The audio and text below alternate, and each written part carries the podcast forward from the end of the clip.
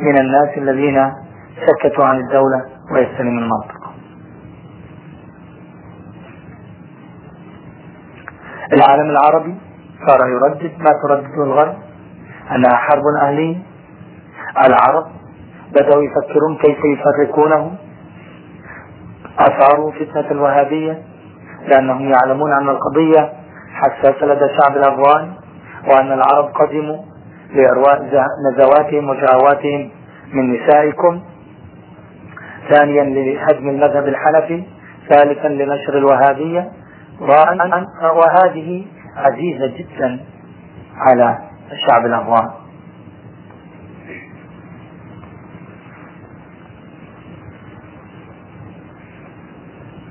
الصحف العربية تنقل. صدقوا يا إخوان نظام الصحف الكويتية في الأنباء والسياسة. والوطن متحمسة للشيوعية أكثر من نجيب. لأن نجيب أسلم.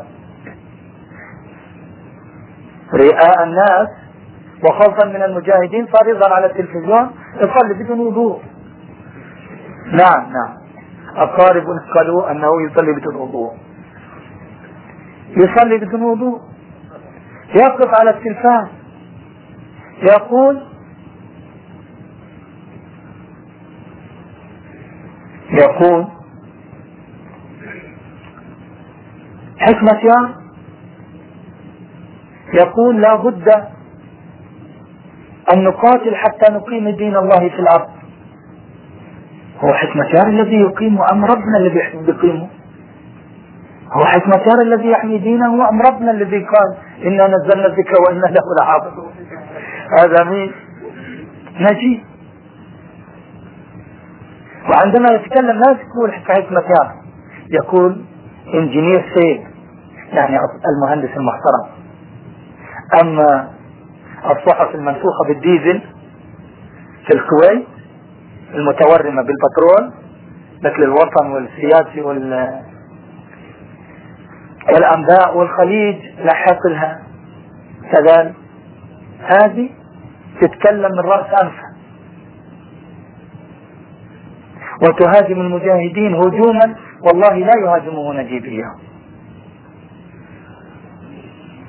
في مجلة السياسة الكويتية أقرأ سؤال من شاب اسمه طارق أظن يسأل أين أدفع تبرعات للمجاهدين الأفغان الجواب نبشرك يا أخ طارق أن المجاهدين ألقوا سلاحهم واستسلموا للدولة ولا حاجة لهم بتبرعاتك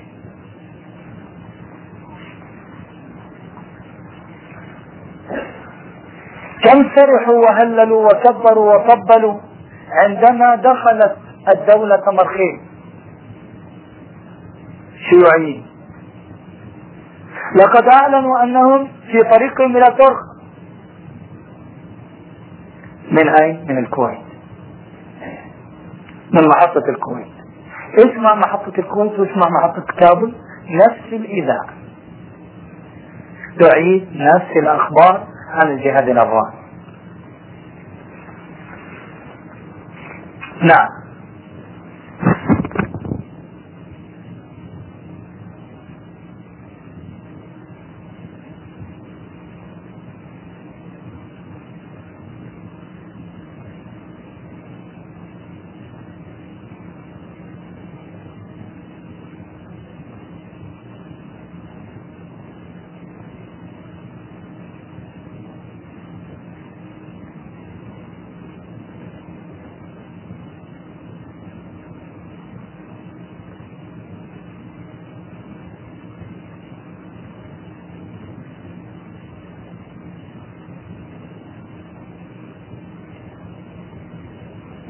عدد السكان 270 مليون عدد السكان 270 مليون. فلذلك حتى يستطيعوا أن يتابعوا أعمال الصفاح وعلمت الكويت دول الخليج كلها كيف تتودد إلى روسيا. فأدخلت السفارات إلى قطر إلى البحرين إلى عمان إلى إلى إلى أبو ظبي. لم يبقى في دول البترول إلى السعودية. لم تدخلها. سفارة روسيا.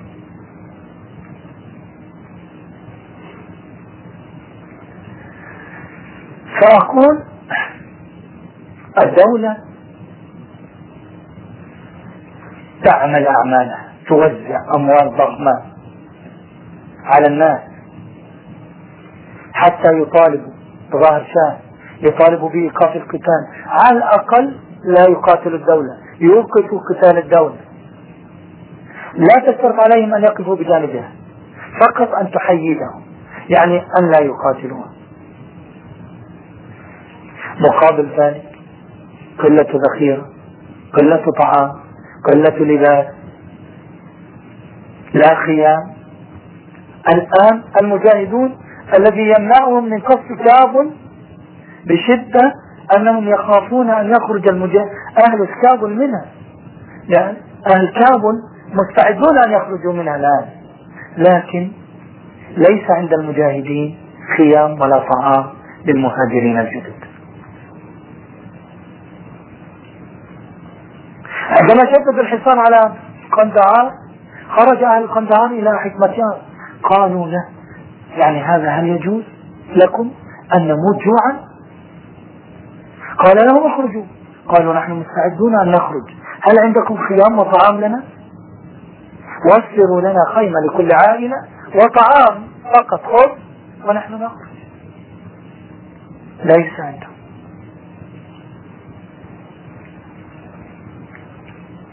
تذهب إلى السعودية إلى دول الخليج بدل أن يسألوك عن الانتصارات يسألوك إيش صار بين حكمتان وربان؟ المذابح توقفت؟ لماذا خرج حكمتان من الحكومة؟ صحيح أن المجاهدين عندهم بدع وشركيات هذا الذي يسألونه. إمام مسجد. كنت نزلت في الرياض ضيف عند أحد الإخوة هناك أمامنا مسجد. فصلينا العصر صلينا الصبح أول يوم الإمام لحيته ما شاء الله له. فرجل طيب هو. يقول طيب عنه لكنه جاء يقول لي هذا الذي نزلت عنده قبل يومين. قال لي هذا لواء متقاعد من الجيش وإمام مسجد ويعلمنا. قال قبل يومين مسك بلحيته هكذا وقال إن انتصر الجهاد الأفغاني فاحلقوا لحيتي. ويوزع غفر الله له هداه. كون قال مسكت على جنب وقلت له هذه قضايا. تتدخل فيها. لماذا؟ بدل أن تنصح بدل أن تذهب إليهم وتفيدهم من معلوماتك العسكرية تهاجمهم وتقول احلقوا لحيتي إن انتصر الجهاد الأول. وأصل مناشير عن الجهاد ضد قادة الجهاد ضد بعض رموز الجهاد. قال بيصور وبيوزع حسبة لله عز وجل. يظن أن هذا الخير؟ المهم عرفوا عليه انه هذا الشيخ عبد الله الجامع اعطى درس العصر يقرأ من الكتاب وفجأة يقول يا إخوان في مصائب في العالم الإسلامي مصائب ناس يحاربون التوحيد ناس يا إيه عندهم شركيات ناس عندهم كذا ناس إياك يعني واسمعي يا جماعة. هو يعني لي فيها كلها.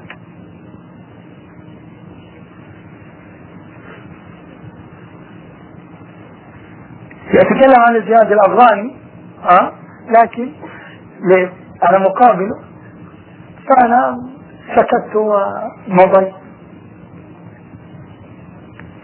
هذه الصورة الآن في العالم الإسلامي عن الجهاد. الجهاد الذي تعتز به الدنيا كلها. الجهاد الذي خصصت فيه معظم كثير من الجامعات الأمريكية أكاديميات للبحث في هذه القضية. في الجهاد الأفغاني أين وصل؟ ما هي نتائجه؟ الآن أكاديميات متخصصة. كيف نحارب الجهاد الأفغاني؟ كيف نقضي على قادته كيف نشوه رموزه؟ يرسمون حكمة يارو رباني. أظن في الواشنطن بوست يسلمون على بعضهم قبل أشهر. Today they are friends tomorrow they are enemies. اليوم أصدقاء وغدا أعداء ولذلك عندما حصلت قضية مثل قضية فرقان كله كل الدنيا هاجت وماجت لتثبت أن الجهاد الأفغاني أصبح قتالا قوميا بين المسلمين في داخل أفغانستان.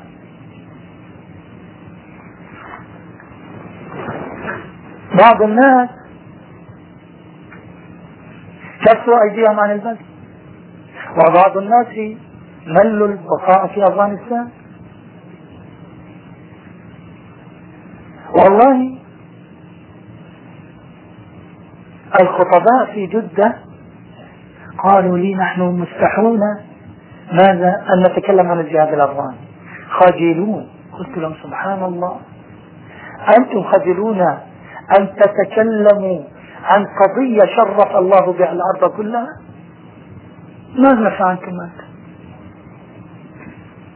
ولو 200 سنة تعملون هل تصلون إلى عشر ما وصله الأفغان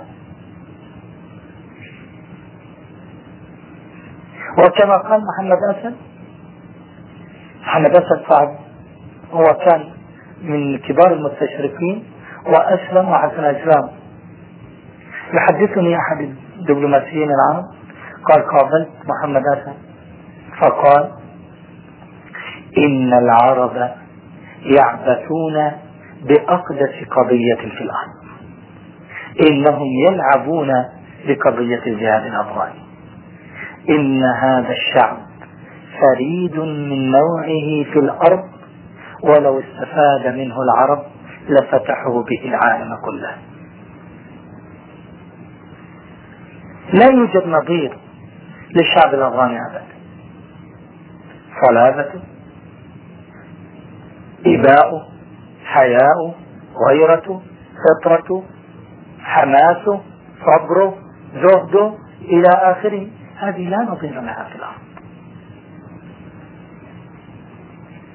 هذه الصفات الآن تصبح تشويها لهذا الشعب نعم.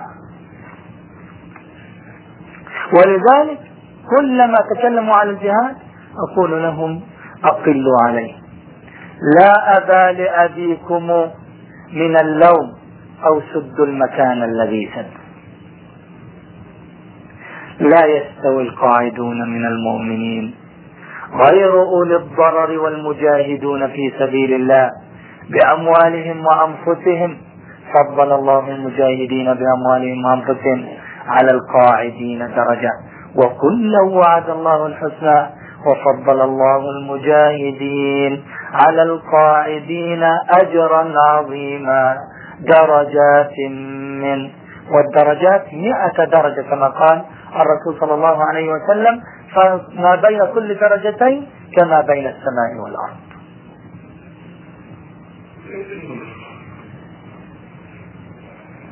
الله أعلم أن هذا التاجر الذي يعني يتكلم على المجاهدين الأبواب الله أعلم غدا يقبلونه على أبواب قصورهم في الجنة أو لا يقبلونه.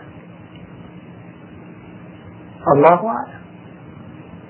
الله أعلم يستطيع أن يراهم أو لا يستطيع.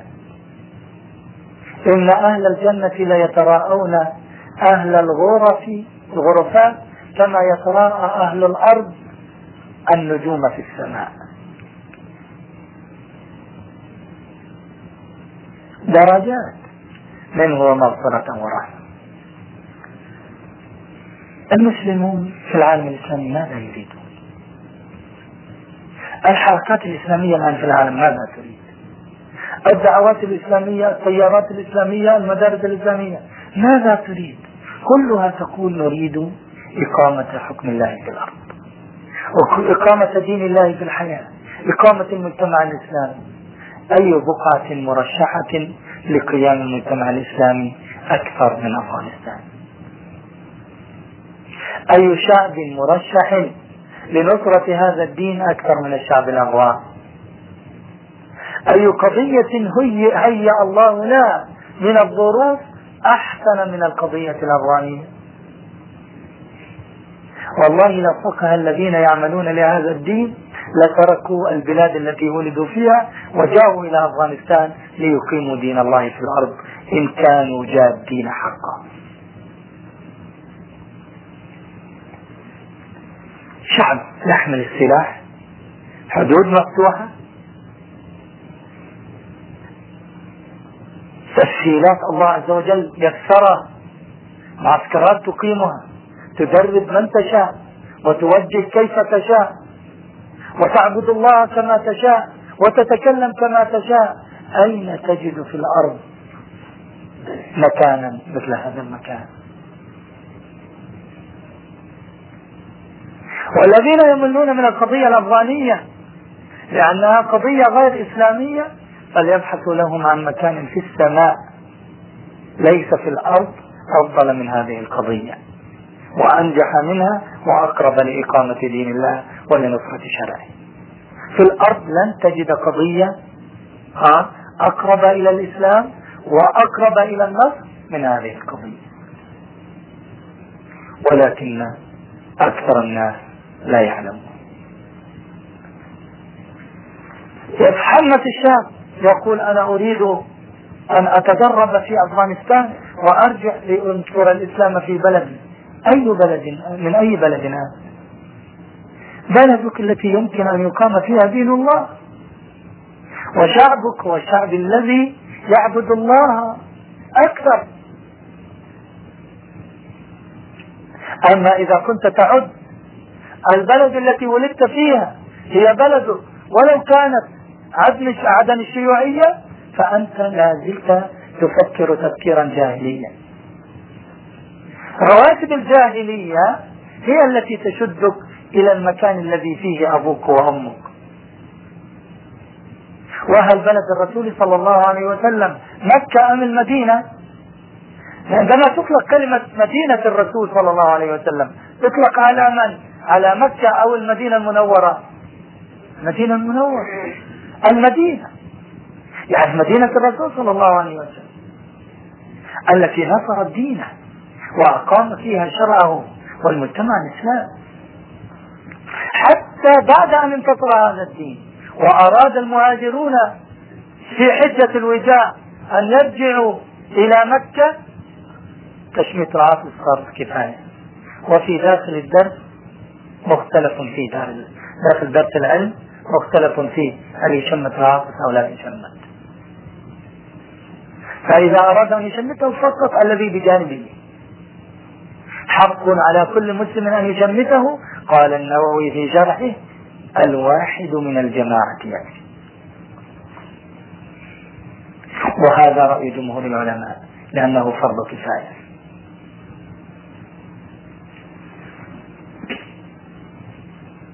أقول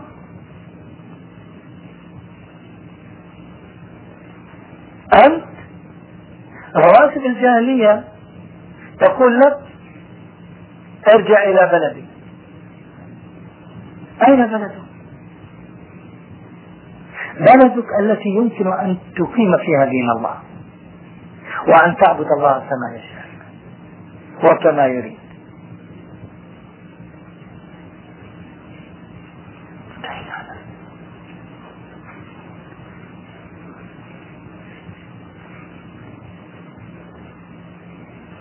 بلدك كما قال الرسول صلى الله عليه وسلم للمهاجرين قالوا نرجع إلى بيوتنا نزرع لنا على الأقل. قال لا يحل للحاج أن يبقى بعد نسكه ثلاثة أيام أكثر من ثلاثة أيام. معكم زيارة ثلاثة أيام ثم تغادرون مكة أبو أحمد بن جحش هو قال يا رسول الله أتنزل في دارك؟ قال هل ترك لنا أقل من دار خلاص ما في إلا دور. الدور لمن نحن دورنا في المدينة. هنا. ولذلك عندما مرض سعد بن أبي وقاص في مكة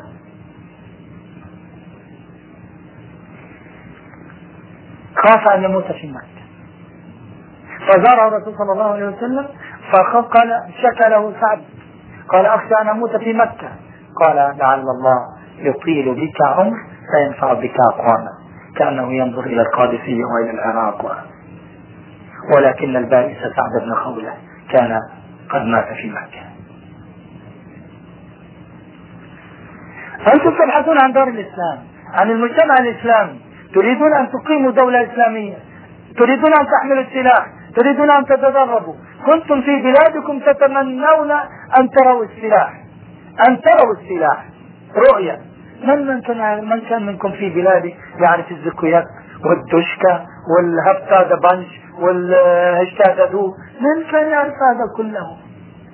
أين تجد في مسجد في العالم في هاون ودشكة وزكويات ومضات الطائرات ها؟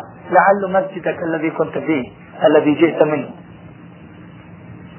ولذلك لن تجدوا بقعة في الأرض الآن أفضل من هذه البقعة ومن رجع من أفغانستان الآن مهما كانت الظروف فهو فار من البحث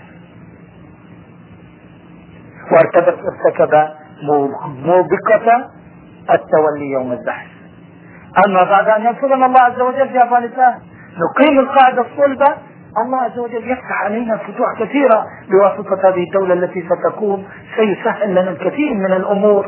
ستصبح دار إسلام مأوى للمستضعفين مأوى للهاربين من بلادهم تعطيهم جوازات تؤويهم تتبنى مصالحهم تتكلم باسمهم. فأين تذهبون؟